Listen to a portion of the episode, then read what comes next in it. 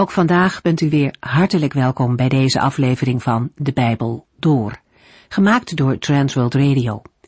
Voor meer informatie kijkt u dan op onze website transworldradio.nl.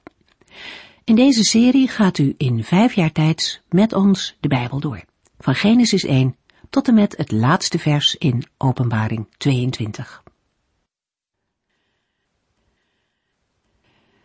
Fijn dat u weer luistert. We zijn deze dagen met een wat moeilijk Bijbelboek bezig, het levensverhaal van Job. Als u vragen heeft, dan kunt u ons bellen. 0342 478432. Het levensverhaal van Job, de periode waarin Job alles verloor. Zijn bezit, zijn gezin en zijn gezondheid. Tot overmaat van ramp doen zijn drie beste vrienden er alles aan om hem te overtuigen dat het zijn eigen schuld is. En steeds weer strooien ze zout in zijn wonden. En in dit alles zwijgt God de hele tijd. Hij laat eerst Job zijn zegje doen. Het Bijbelboek Job is een boek dat mensen door alle tijden heen kan helpen. Niet om het lijden te begrijpen, maar wel om vertrouwen te vinden of hervinden in de Almachtige God. De vorige keer lazen we hoofdstuk 18 en 19 en daarin staat een gesprek tussen Bildad en Job. Bildad schetst een beeld van een goddeloos mens en het is al gauw duidelijk dat hij daarmee Job op het oog heeft. In harde bewoordingen zegt Bildad dat er van de goddeloze niets overblijft, geen enkele herinnering, niets. En niet alles wat Bildad zegt is onwaar. Het probleem zit erin dat hij concludeert dat Job een goddeloos man is. Bildad houdt krampachtig vast aan zijn wereldbeeld, waarbij lijden altijd een gevolg is van zonde. En dat automatisme is volkomen verkeerd. Het maakt Bildad ook zeer liefdeloos ten opzichte van Job. Hij heeft wel een theologie te bieden, maar de liefde en de troost van God komt daar niet in voor. En die kan hij ook niet uitdelen. Job reageert vervolgens op Bildad. Job wordt moe van zijn vrienden, die proberen hem te verpletteren met hun woorden. En indringend beschrijft hij hoe alle mensen, ook degenen die zo dicht bij hem stonden, hem verlaten hebben, in de steek gelaten hebben. Job zegt dat hij zou willen dat zijn woorden in een rots gegraveerd zouden worden, als een soort blijvende getuigenis van zijn onschuld. In het besef dat zijn wens onmogelijk is, grijpt hij vele malen hoger hij zoekt zijn heil bij een levende verlosser. Deze verlosser zal het voor hem opnemen. Iedereen heeft Job verlaten, maar er is er één die hem niet ontnomen kan worden, en dat is God zelf. Ondanks het feit dat Job de Heere verantwoordelijk houdt voor al zijn ellende, wil hij niet twijfelen aan Gods rechtvaardigheid. Want Job gelooft stellig, eens zal de Heere hem recht doen en in het gelijk stellen. We lezen verder in hoofdstuk 20, waar Sofar als derde vriend het woord weer krijgt. In Job 20 lezen we de tweede reactie van Sofar. Maar hij heeft niet veel toe te voegen aan de eerdere reacties van Elifas en Bildad. Opnieuw blijkt hij vast te houden aan zijn eigen wereldbeeld. Aan de logische orde die stelt dat een schuldige straf verdient en ook krijgt. In zijn uiteenzetting beweert hij dat de goddeloze ellende zal ondervinden. Het is opvallend dat de ellende die hij schetst gedeeltelijk overeenkomt met de manier waarop Job het lot van ieder mens heeft geschilderd. Hieruit blijkt dat het onderscheid tussen de rechtvaardige en de goddeloze misschien helemaal niet zo groot is als Sofar wel denkt en zou willen. Voor Sofar en zijn vrienden is de goddeloze de mens die het recht geweld aandoet en zich niet stoort aan de Heer en zijn geboden. Het Hebreeuwse woord voor goddeloze is vrij algemeen en slaat op een mens die schuldig is, die Gods wetten overtreedt en die leeft zonder de Heere. Het mag duidelijk zijn dat Sofar niet over zomaar een goddeloze spreekt, maar dat hij Job bedoelt. De ellende die Sofar bij Job ziet, kan volgens zijn denken alleen maar het gevolg zijn van Jobs zonde. Job 20 vers 1 tot en met 3 Sofar uit Naama zei, Ik zal snel reageren, want ik ben geschokt. Je beledigt mij met je verwijt en mijn verstand zegt me dat ik daarop moet antwoorden. Zover heeft Job maar met moeite uit kunnen laten praten. Hij is beledigd door wat Job heeft gezegd en popelt dan ook om te kunnen reageren. Als wat Job beweert waar is, klopt er niets meer van Sofars wereldbeeld. Alles waarvoor Sofar staat lijkt dan in te storten. Dat levert de onrust bij hem op, die hem dringt tot een reactie. Job 20, vers 4 en 5. Je weet toch dat sinds de mens voor het eerst op aarde verscheen, de blijdschap en de vreugde van de goddelozen een kort leven zijn beschoren. Sofar reageert met ironie door te vragen of Job wel bekend is met dat wat al sinds mensenheugenis bestaat.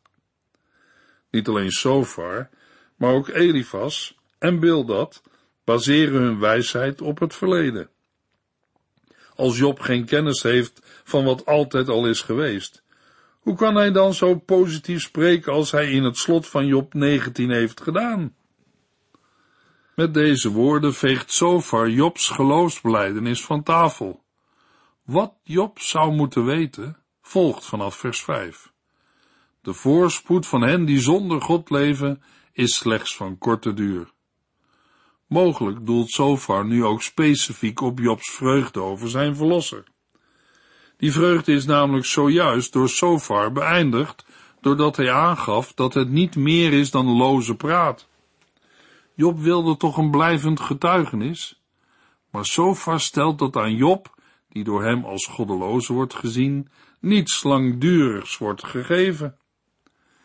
Job 20 vers 6 en 7 Ook al rijkt de trots van de goddeloze zo hoog als de hemelen, en loopt hij met zijn neus in de lucht, toch zal hij voor eeuwig omkomen en worden weggeworpen, zoals zijn uitwerpselen.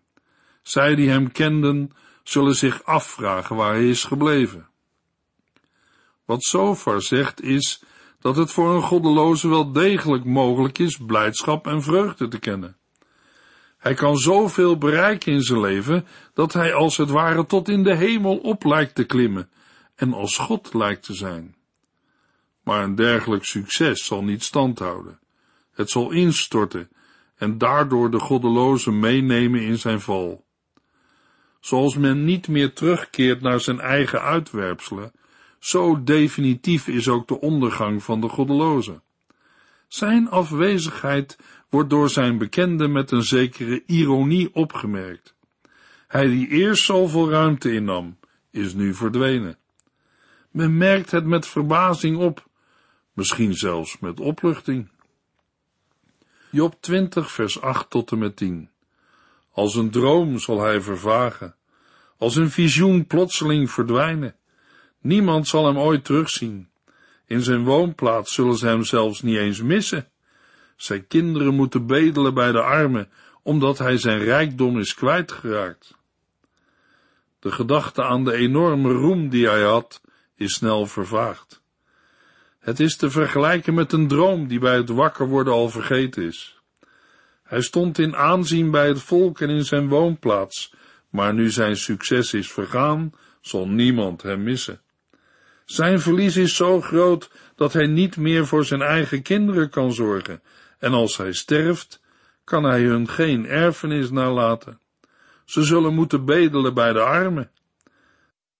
Daarmee bedoelt Sofar dat zij tot de allerarmsten behoren.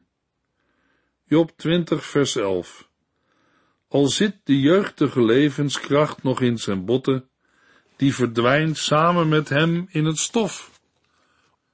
Ondanks het feit dat hij nog jong is en vol kracht, zal de goddeloze sterven.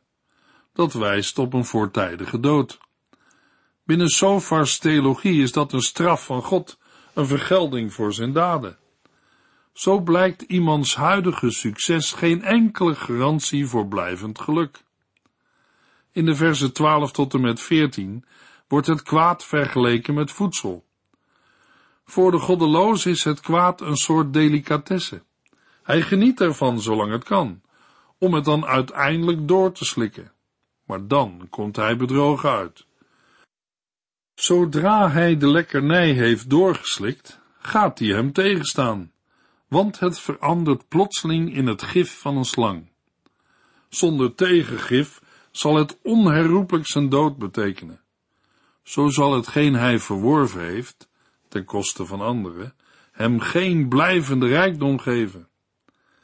In de versen 12 tot en met 14 maakt Zofar duidelijk dat de goddeloze ten onder gaat aan zijn eigen zonde, die wel verleidelijk was, maar nu fataal blijkt te zijn. Job 20 vers 15 Hij zal de rijkdom die hij opslokte weer moeten uitbraken. God laat niet toe dat hij het binnenhoudt. Zofar geeft God in de vergelding een actieve rol. De Heere maakt dat de goddeloze zijn rijkdom zal verliezen. Hij grijpt in om het onrecht te vergelden. Job 20 vers 17 en 18 Hij zal geen plezier hebben van de dingen die hij heeft gestolen, en niet genieten van de stromen olie, honing en room. Zijn inspanningen zullen niet worden beloond. Aan de winst van zijn handel zal hij geen plezier beleven. Zofar blijft in zijn beeldspraak bij voedsel. Hij schildert niet meer wat vergif voor de goddeloos is, maar juist het tegenovergestelde. Het beste voedsel van het land zal de goddeloze nooit meer in overvloed kunnen zien. Ondanks de rijkdom en de mogelijkheden die hij heeft verworven, worden zijn verlangens niet gestild. Sterker nog, wat hij heeft vergaard, moet hij weer afstaan. Zijn kapitaal blijkt de goddeloze te vergiftigen en niet te bevredigen. De reden daarvoor wordt in vers 19 aangegeven. Zonder beeldspraak wordt nu glashelder wat de oorzaak voor de ondergang van de goddeloze is. Die oorzaak is drieledig. De goddeloze heeft de armen onderdrukt, aan zijn lot overgelaten en hun huis geroofd. Zo is hij aan zijn rijkdom gekomen. Maar omdat hij zulke wrede methoden heeft toegepast, zal hij het huis niet voor eigen gebruik kunnen inrichten, want er komt een einde aan zijn welvaart. Job 20, vers 19 tot en met 23. Want hij heeft de armen onderdrukt en hun huis in beslag genomen, waarop hij geen recht had. Omdat hij van binnen geen rust kent, helpen al zijn schatten hem uiteindelijk niets. Maar als er niets meer is om te stelen, komt er een einde aan zijn welvaart. Te midden van zijn overvloed zal hij in moeilijkheden raken en zal het toppunt van ellende hem in het verderf storten. Terwijl hij nog bezig is zijn buik te vullen, zal Gods toorn al op hem neerkomen. De toorn van God zal hem zwaar op de maag komen te liggen. In de versen 24 en 25 lezen we dat de goddeloze wil vluchten, maar hij wordt neergeschoten en de angsten van de dood overvallen hem. Sofar beschrijft het onvermijdelijke einde van de goddeloze, de dood. De gebruikte beeldspraak wordt nu niet meer beheerst door voedsel, maar door oorlog. Iemand die in de oorlog vlucht, maar er toch door wordt overvallen. Job 20, vers 26 tot en met 29. Zijn schatten zullen verloren gaan in de diepste duisternis. Een laaiend vuur zal zowel hem als zijn goederen verslinden en alles verteren wat hij nog over had. De hemelen zullen zijn zonden openbaar maken en de aarde zal tegen hem getuigen. Zijn rijkdom zal op de dag van Gods toorn in een vloedgolf wegspoelen. Dat is Gods bestemming voor de goddeloze, de erfenis die God hem geeft. Zofar lijkt hier een rechtstreekse aanval te doen op Jobs vertrouwen op de hemelse getuigen en de levende verlosser. Hij wil Job zeggen dat hij van de hemel geen hulp hoeft te verwachten. De hemel zal hem eerder veroordelen en de aarde zal tegen hem getuigen. De rijkdom van de goddeloze zal op de dag van Gods toorn in een vloedgolf wegspoelen. Er blijft niets van over. Zofar sluit zijn uiteenzetting af met de woorden dat de Heer op de beschreven manier met de goddeloze zal afrekenen. Ironisch wordt in vers 29 het oordeel van God de erfenis van de goddelozen genoemd. Het is de vraag wat Sofar met zijn uitgebreide opsomming heeft willen bereiken. Job zal er niet van geschrokken zijn, want zijn ellende is groter dan die van de gruwelen die Sofar onder woorden heeft gebracht. Beiden weten dat de theorie wel mooi klinkt, maar dat de praktijk van het leven anders is. Job 21, vers 1 tot en met 3. Job antwoordde Sofar, luister nu toch naar mij, dat zou al een hele troost zijn. Je kunt doorgaan met spotten wanneer ik ben uitgesproken. Na Sofars gedetailleerde uiteenzetting van het verschrikkelijke lot van de goddelozen, krijgt Job weer de gelegenheid te spreken. Job vertelt nu zijn vrienden wat volgens hem het lot van de goddelozen is. Uit Jobs beschrijving wordt duidelijk dat Sofar er ver naast zat. Job 21 vers 4 Mijn klacht richt zich toch niet tot mensen, maar tot God. Daarom ben ik ook zo ongeduldig. Jobs klacht is tegen God gericht, maar reactie is uitgebleven. Mensen hebben hem geantwoord, maar de Heere niet. Dat heeft hem al zijn kracht gekost. Hij is in zijn strijd om rechtvaardiging uitgeput geraakt, wat ook vertaald kan worden met ongeduldig. Job 21 vers 5 tot en met 13 Bekijk mij met afschuw en sla je hand verschrikt voor de mond.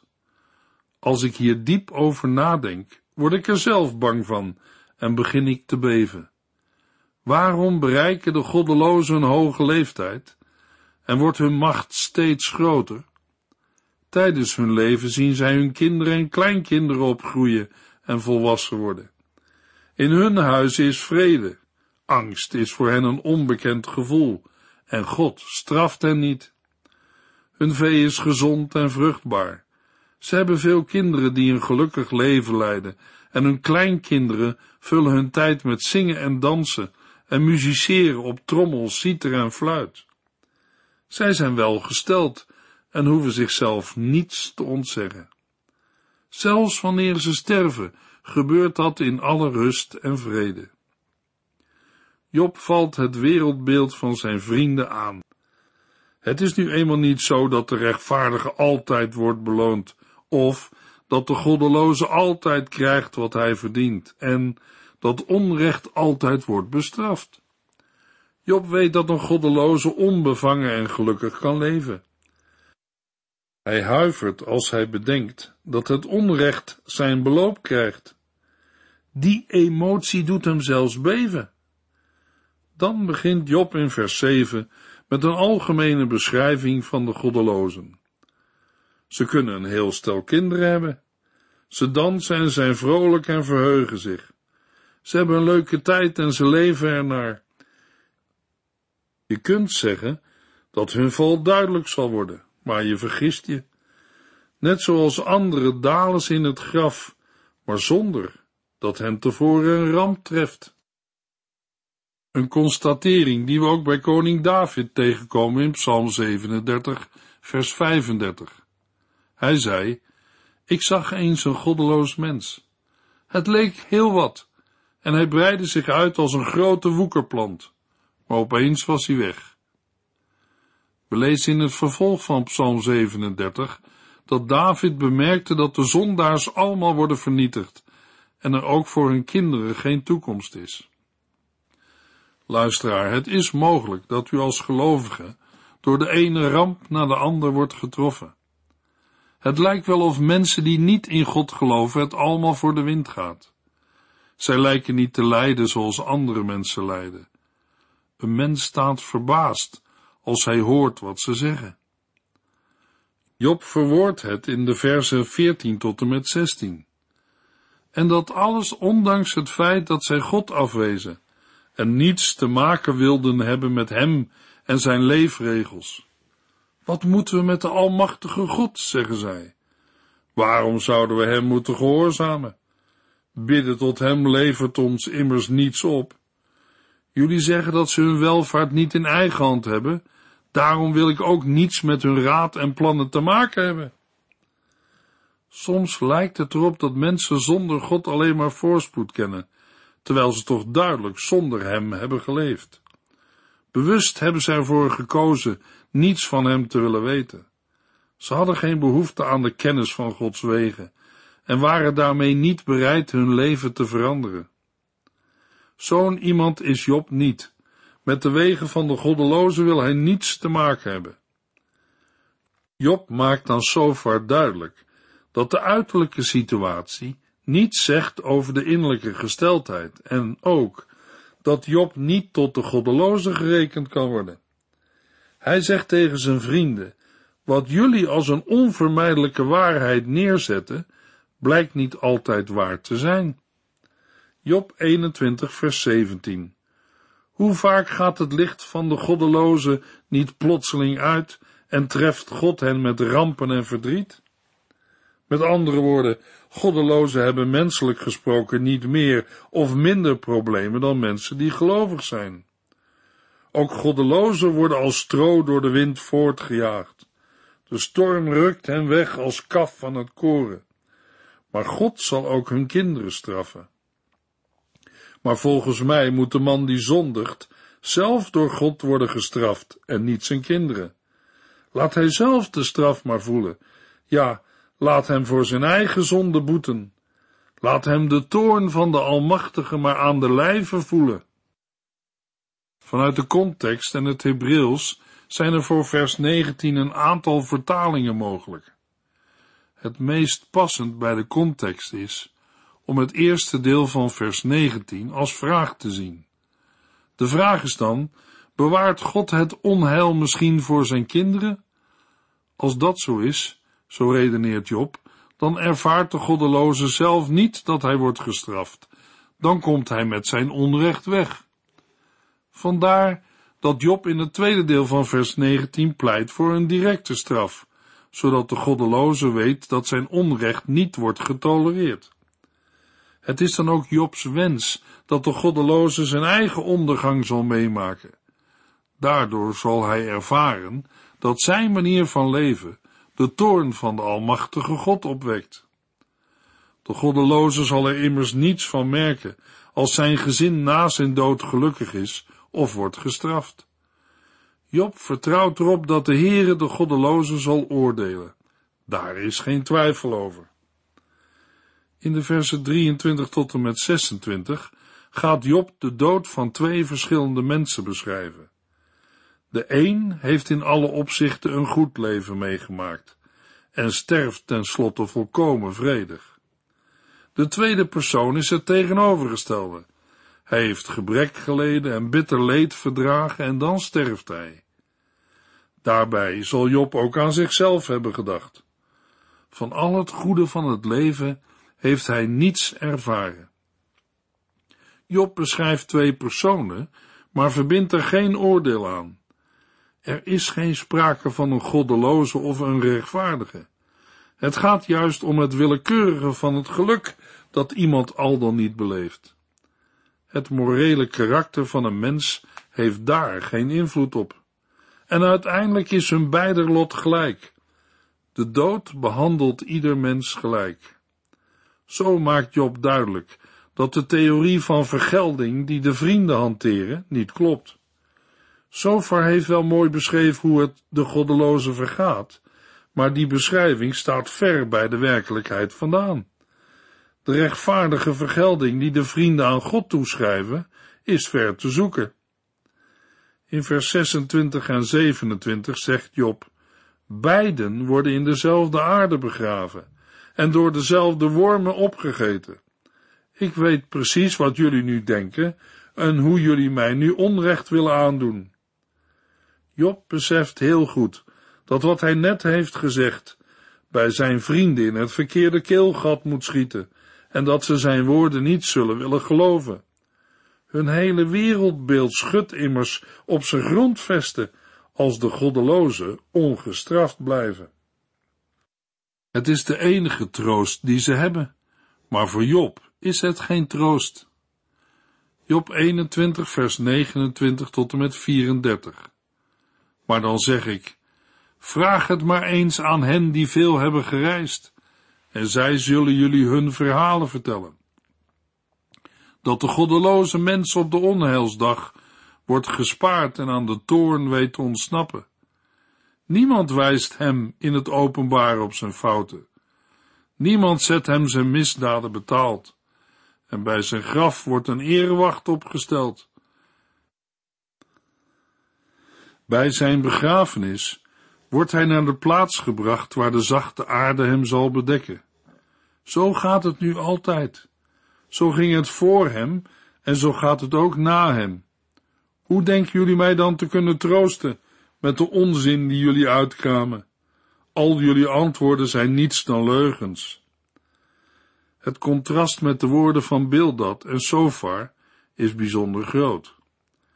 Nu Job de woorden van zijn vrienden zo duidelijk heeft weersproken en de kracht ervan heeft ontzenuwd, trekt hij de conclusie dat de troost, die ze hem toch kwamen brengen, bijzonder leeg is.